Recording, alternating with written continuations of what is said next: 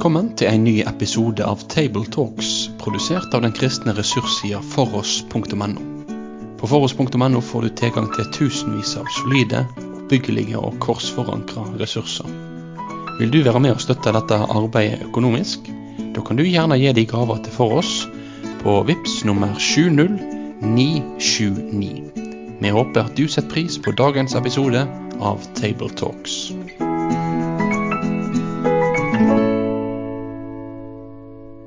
Ja, igjen hjertelig velkommen til en ny episode av Tabletalks.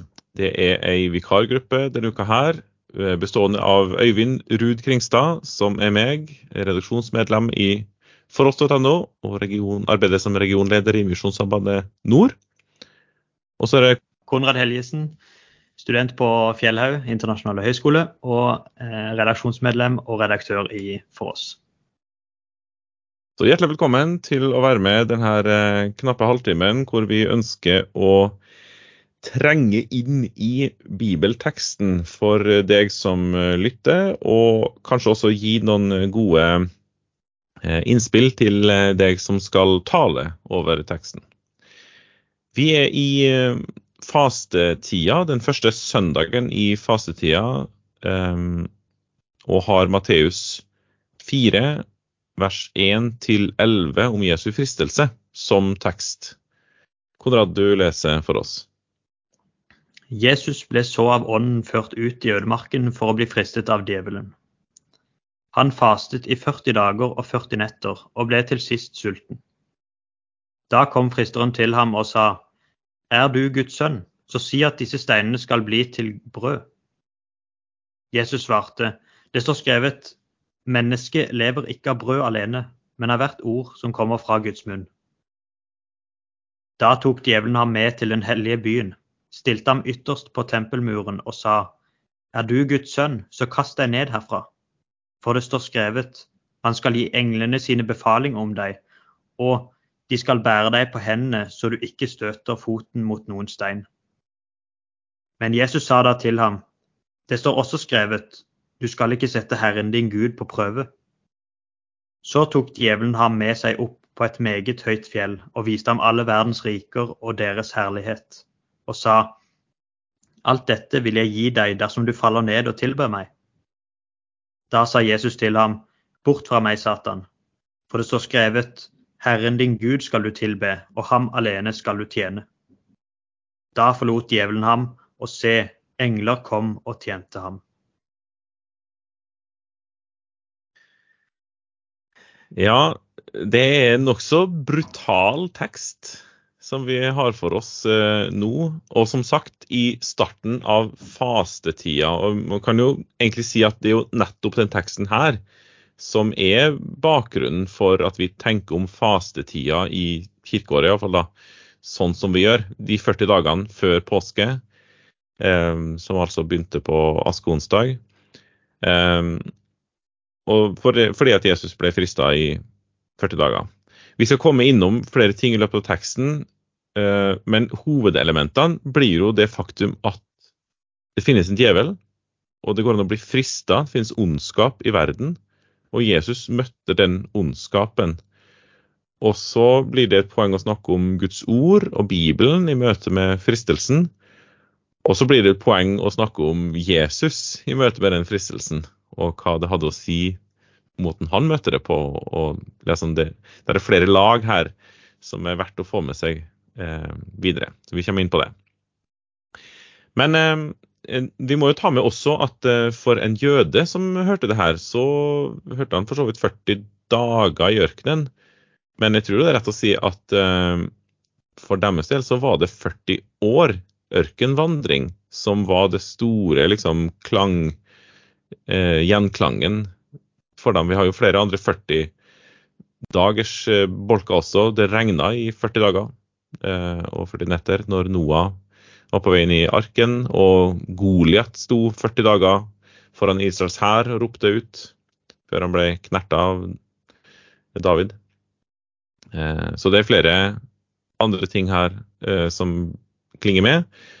Og så er det jo verdt å ta med, og vi kommer inn på det, da. Du har jo noen snacks, eh, Konrad, eh, ifra, som vi kommer mot slutten. Men men eh, lesetekstene er jo da Den ene er fra når Adam og Eva, eller Eva, blir frista i Edens hage av Satan, av djevelen. Og den andre er fra Jakobs brev, om når man blir ja, litt annerledes, men om fristelse. da. Bare for å kort si noe om disse 40-tallene. at uh, Nå nevnte du jo flere, men uh, to av de som kanskje er enda nærere, er jo Elia, som fasta òg i 40, 40, dager på, uh, på Horeb. og så har du òg Moses, da, naturlig nok, som var 40 dager oppe på, på Sinai-fjellet. Så Sånn settes jo Jesus her inn i en ramme av en, en, blant disse store profetene og lederne for Israelsfolket og går liksom kanskje på en måte litt inn i den rollen, da. Det hadde vært rart hvis det var 37 dager. Det hadde vært litt, ja, litt smell. Ja, litt smell. Um, for meg så er det viktig og litt sånn oppsiktsvekkende å, å, få med seg det at det var av ånden han ble ført ut for å bli frista.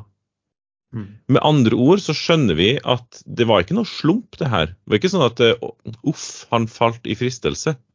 Eller altså liksom Nei, nå gikk det jo tydeligvis galt her. Nå var det et eller annet som ikke gikk helt etter planen. Nei, det var Gud sjøl som han ble sendt ut i fristelse eh, av, rett og slett, altså. Eh, så fristelsen, eller ikke fristelsen, men det å, å bli utsatt for fristelse, det var Guds vilje. Vi kan jo si det så direkte som det, faktisk. Um, og det er spesielt rett og slett å ta med seg at det, det var et poeng.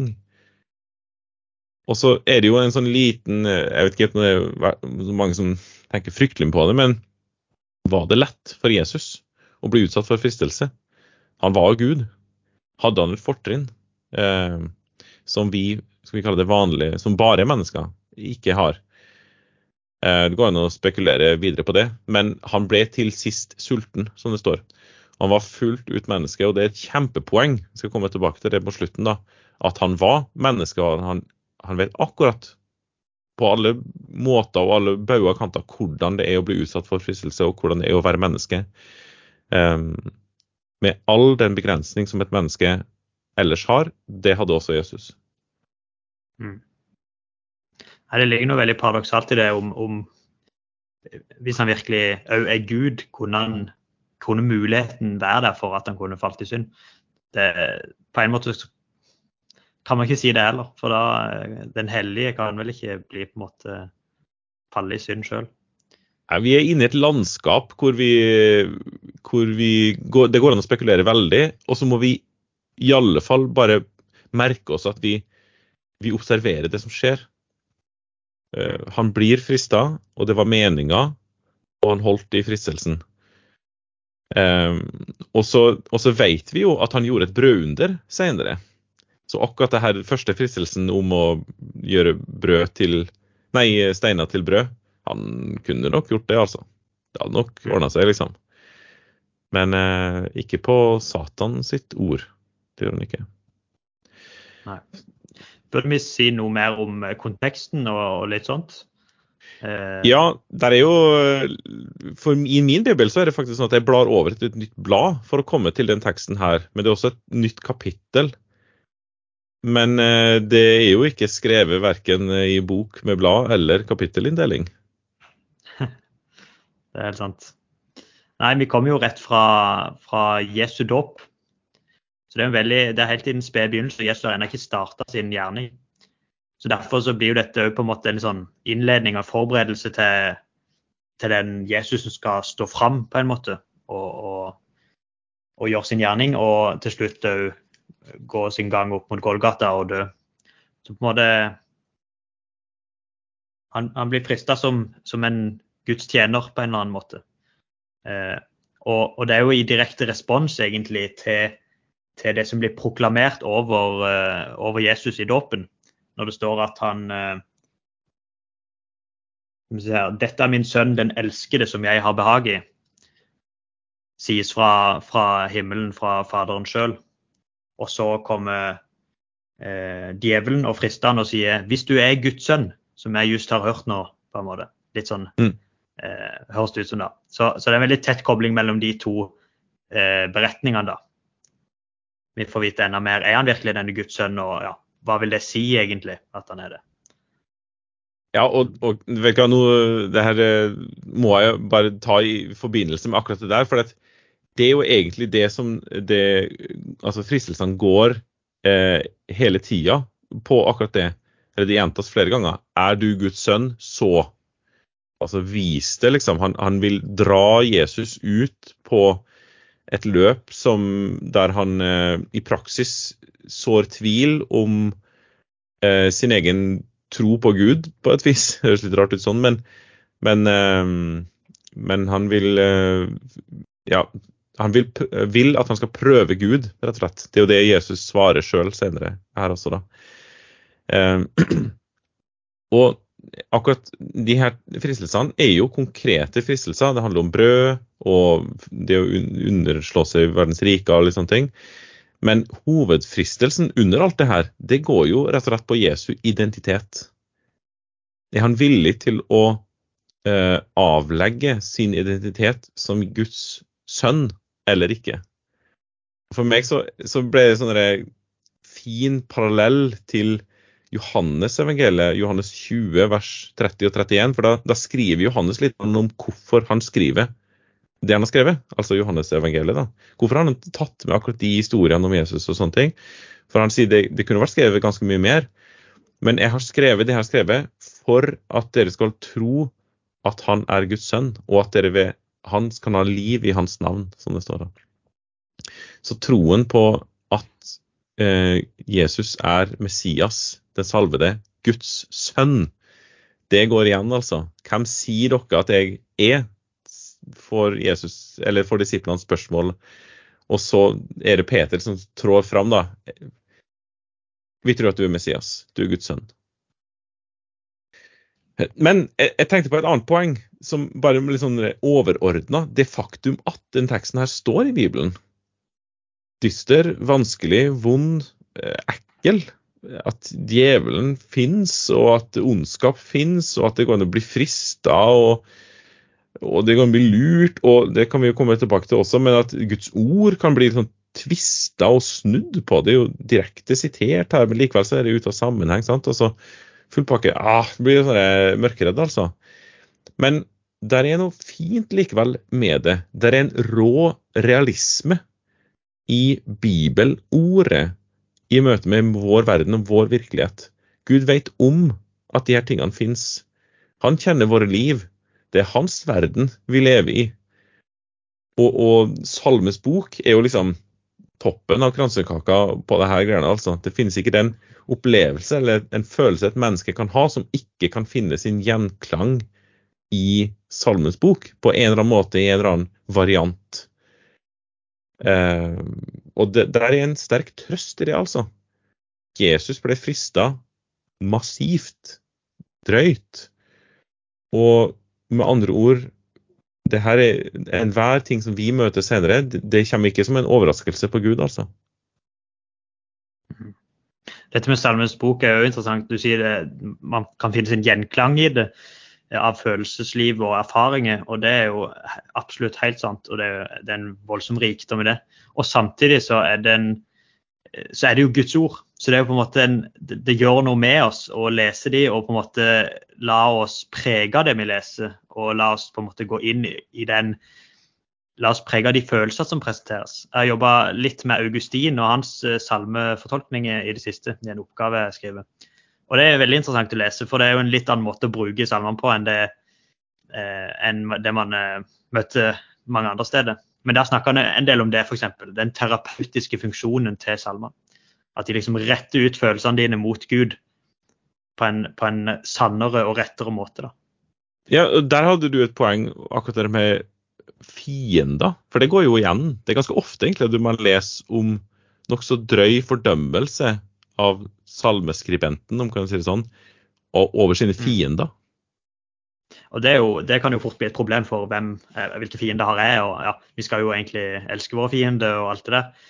Det, men, eh, men, jeg tenker jo her det er en liten befrielse òg at vi skal få lov til å ha noen fiender. Og kanskje kan òg djevelen være en sterkere realitet i det. eller en erkjennelse av at ja, det er en som er virksom her, som vil oss vondt. Og det er lov å på en måte eh, si noe om det, da. Og bruke salmene på den måten. Jeg tror kanskje det er noe som vi har tapt, kanskje i hvert fall litt i, i vår tradisjon. Eh, at man, eh, man, snakker ikke så mye om djevelen. Men Luther f.eks. var jo veldig hadde et veldig levende eh, forhold til djevelen, kanskje, hvis man skal bruke et sånt uttrykk. Ja, artig uttrykk. Ja. Mm. Um, veldig bra. Vi skal bare ta de her fristelsene. Uh, det er tre stykk som han blir uh, utsatt for. Um, først så er det brød uh, som han blir Han er jo sulten, selvfølgelig, så det er sånn materiell greie.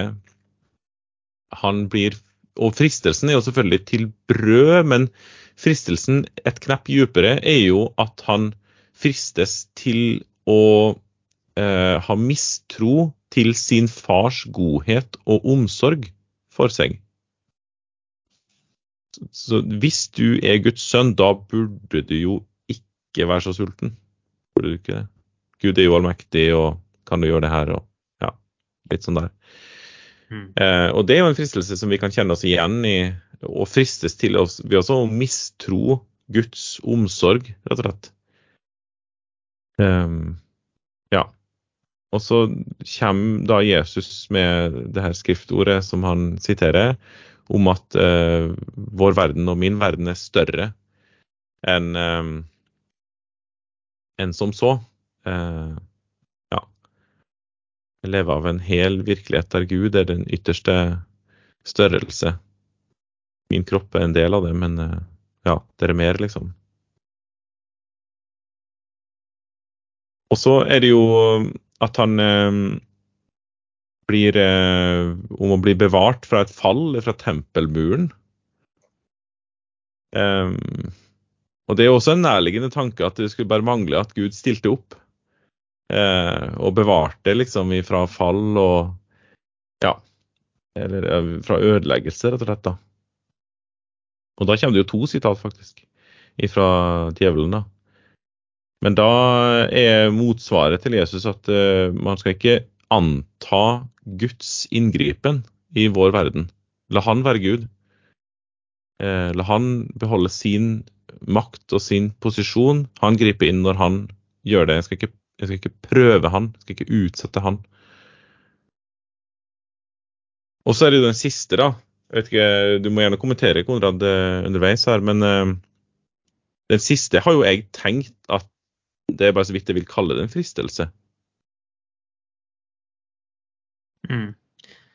Det tror jeg er et poeng. For der, det er jo ingen, uh, han legger ikke skjul på hva han vil her. Her er det bare fall ned og tilbe meg, så skal du få dette og dette for verdensherredømme. Og jeg tenker Det er jo egentlig en parallell her til leseteksten med fristelsen i, i hagen òg det begynner litt sånn vagt og vrir litt om på ordene til, som Gud har sagt. Har Gud virkelig sagt sånn og sånn? Og, og Eva sjøl blir med på liksom, reisen med å, å framstille Gud som litt verre enn det han egentlig har sagt. Og så går det slag i slag, og til slutt så er det liksom fullt ut Der skal slett ikke dø.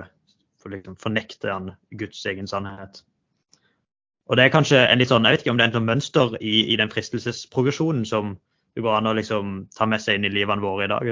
At uh, det begynner med i, i, litt sånn betviling av Guds sannhet, og så til slutt så er det åpenlyst hva det er, men da er man kanskje allerede for langt inn i det til at man greier å stå imot. Men her står jo Jesus imot, da. Mm. Han står imot, du, og vi kommer til gulrota her etter hvert. Men jeg, jeg syns det er spesielt altså det, det, er en liten link her nemlig på den siste her, hvor det, hvor det Jeg vil jo mene at det er grunn til å sette spørsmål til om Satan kunne si det han kunne si.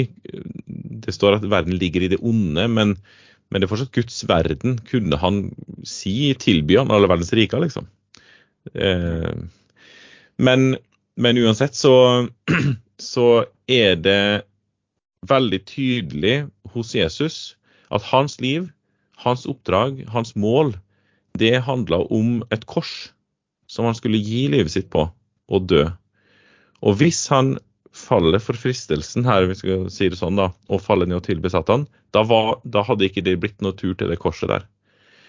Og det forklarer jo også hvorfor Jesus er så forferdelig eh, si, tydelig eller brutal i møte med sin eh, disippel Peter. Når Jesus forklarer litt for disiplene hva han skal gjøre, og sånne ting, han skal gå til korset. og En av de første gangene hvor de blir presentert, Matteus 16 står det om det. Eh, at han skal gå til korset for å dø. Og så sier Peter det her må jo ikke skje deg, det, det vil jo være helt katastrofe. Og så sier Jesus vik bak meg, Satan. Det høres jo helt brutalt ut å få høre det som et menneske, men poenget er det at det var bare én vei som kunne være god for Jesus når han hadde det målet og den mening og den vilje som han hadde, og det var veien om korset. All annen vei var en avvei for han. Så ydmykelsen og overgivelsen det var Jesu eneste vei, og enhver fristelse til å gå en annen vei, den ville være en satanisk vei. Satan betyr jo motstander, Guds motstander. Så når vi blir kjent med Guds kjærlighet og Guds vilje, som i den blir utspent på et kors, det var der det viser seg i eh, full blomst Guds kjærlighet til oss. Da vil enhver vei bort ifra det korset være det motsatte, altså Satan sin vei, egentlig. da. Og det, det her er jo en, det er jo en fristelse, det er en, en forkamp som det her skjer, og Jesus vant den kampen. Men hvis du leser i Kolosserne 2,15, så står det jo helt tydelig det var på korset. Det var der maktene og myndighetene ble avvæpna og stilt naken, faktisk, til skue. da. Men det som er som, vi må, som er verdt å ta med seg her, Konrad, det er jo at altså, vekta på Bibelen Det er jo nesten så ikke vi bruker tid på å si det, men, men det er jo et kjempe, kjempe, kjempeviktig poeng. I møte med fristelse, da er det Guds ord som gjelder. Du må sitere Guds ord. Eh, du må bruke Guds ord. Det er det som er tingen. Det er det Jesus gjør. Og han er et forbilde i det og viser vei på en måte, kan vi si da. Eh, og han gjør det selvfølgelig i rett kontekst. Men det er jo interessant at de sitatene Jesus henter, de er, det er ikke så stor spredning i dem. Nei, det kan du godt si. Og det er jo fort gjort at man blir ferdig med bibelsitatene med nettopp det poenget da, at ja, det er Guds ord, og det må vi òg bruke i møte med fristelse. Men det ligger noe litt, eh, enda litt mer å grave i her, altså, tror jeg. Så disse sitatene som Jesus eh, drar fram i møte med, med djevelen, er, de er alle henta fra femte Mosebok. Og eh, ikke bare spredt rundt der, men eh, fra det sjette og det åttende kapittelet. Så dette er jo, og femte Mosebok er jo Moses sin liksom, andre tale, eh, eller, eller, hans oppsummeringstale, nærmest, før israelittene skal inn i det lovede land. Og prøver liksom gjenkalle en del ting av det som har skjedd. Så linja går liksom via eh, fra Jesus til femte Mosebok, og så går han egentlig tilbake til andre Mosebok eh, når de står i ørkenen. da.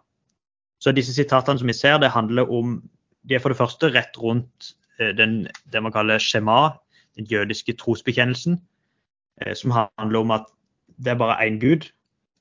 Kan jo lese det. Hør Israel, Herren er vår Gud, Herren er én. Du skal elske Herren din Gud av hele ditt hjerte, av hele din sjel av all din makt osv. Når vi da får det første sitatet imot dette med at uh, steiner skal bli til brød, så uh, settes koblinga til 5. Mosebok 8.3, hvor, uh, hvor den større konteksten handler om at de uh, israelittene murra, står det. Det er et litt gøy uttrykk. rett etter de har kommet over Rødehavet. Gud har gjort de store gjerningene, og så murrer de for vi må jo ha brød. Så der liksom faller Kan man si at uh, israelittene blir prøvd, men de faller. Og samme finner vi når det siteres til Du skal ikke sette Herren i Gud på prøve. Så er det igjen hva de gjorde ved Massa. Det er bare kapittel etter i, uh, i andre Mosebok. Da var det vann som var problemet. Så Sånn liksom trekkes det noen ganske sterke koblinger fra disse viktige hendelsene rett etter Guds store frelsesgjerninger så på en måte likevel betviles hans eh, godhet, hans omsorg, og, og eh, de blir ulydige mot eh, Gud. Og Det er jo flere ting som drar denne koblinga enda sterkere. Eh, bare for å si det, at Dette med 40 dager er jo naturlig nok, det er det med. Men før det til og med så står det Jesus ble så av ånden ført ut. Og ført ut på grunnteksten ligger mer i retning av å føre opp. Og, og det uttrykket er ganske eh, sannsynlig i hvert fall en, en henspilling på at man ble ført opp fra Egypt. Et sånt uttrykk, da. Eh, som òg liksom setter noe av rammen for dette. her. Eh, så det, det, er mye interessant. Og så En siste ting jeg må si om det, er dette med, med, fristelsesbegrepet. Det er jo mye som kunne vært sagt om det, og det kan jo vi komme mer inn på senere. Men han står i en pakt med Gud, og så prøver Gud eh, sin på en måte paktsdeltaker, eh, holdt på å si, eh, og for å sjekke om holder han sin del av pakten. For å undersøke om hans hjerte er med, og om han faktisk eh, greier å holde disse ja, sin side av eh, saken. Og så forutsettes det at Gud er troverdig, han er kjærlig og han holder sin side av pakten. og Det har vi jo fått se, da. Men derfor så blir det en veldig sterk liksom, kobling til israelittene og israelsfolket i andre Mosebok. Veldig vakkert. Og da, da, må vi Altså, det her det er jo Dere skjønner at det er veldig mye man kunne snakke om her. Men bare helt kort. Ordene for fristelse og prøvelse, når de brukes i Bibelen, så er det norske oversettelser av samme ord. Så hver gang det står enten fristelse eller prøvelse, så er det bare ett ord som egentlig står der. Og så har man ut ifra sammenhengen valgt enten fristelse, som er på en måte en negativ utgave, og så har vi prøvelse, som er en, ja, en slags positiv utgave. Men i enhver fristelse så er det en prøvelse, og enhver prøvelse så er det en fristelse. Det går an å si det veldig sånn enkelt sånn, og så kan man tenke litt mer over på det sjøl, da. Men det der som du nevnte nå, Konrad, med at uh, linken går tilbake til å bli ført opp, og at uh, Israels folke egentlig på en måte viser seg å ikke bli stående i fristelsen igjen og igjen. De velger avguder. Eh, og det syns jeg er veldig stilig. fordi den første fristelsen, leseteksten vår, ifra når Eva sto, bruden, sto for fristelsen, for fristeren, så falt hun. Og så blir det altså lovd rett etterpå at det skal komme en som skal knuse fristerens hode. Han skal komme fra Evas slekt.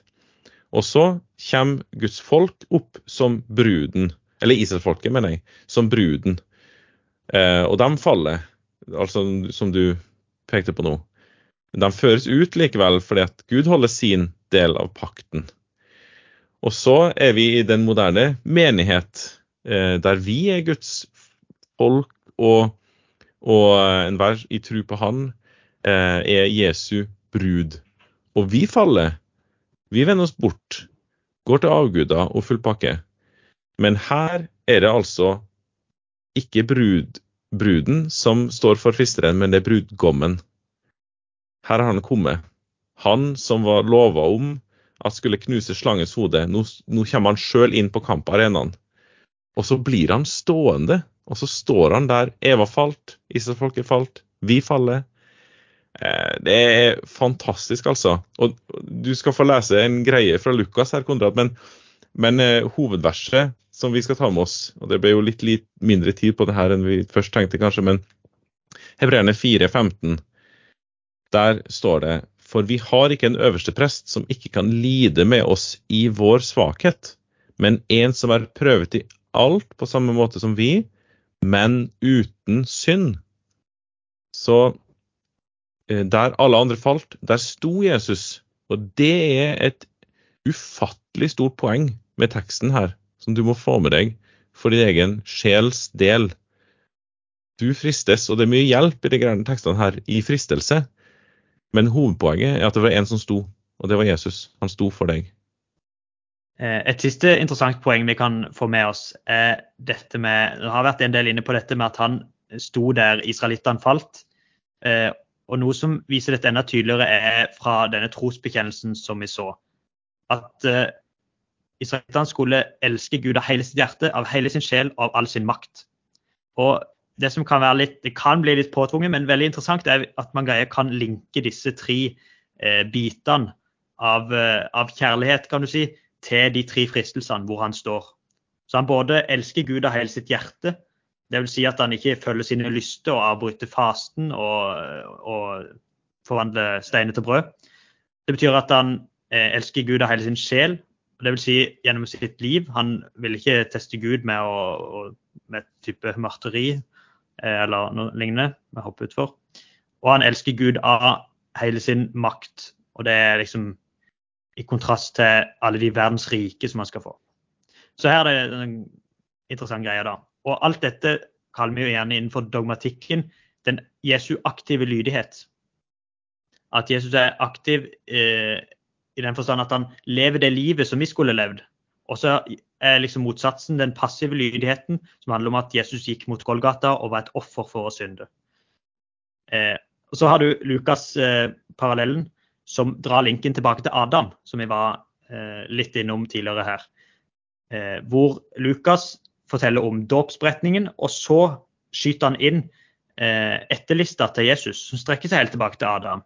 Og så kommer eh, selve fristelsesberetninga. Så der får vi en sånn ramme som sier noe om at er dette den nye Adam som kommer, og som skal, eh, skal stå der den første Adam falt, og bli eh, Ja.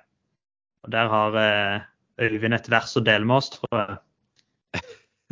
Ja, vi avslutter med det. Det er jo helt fantastisk med disse linjene som trekkes, og, og, tråder som finner sin plass mellom hverandre før de forlater igjen, og så finner de sammen igjen.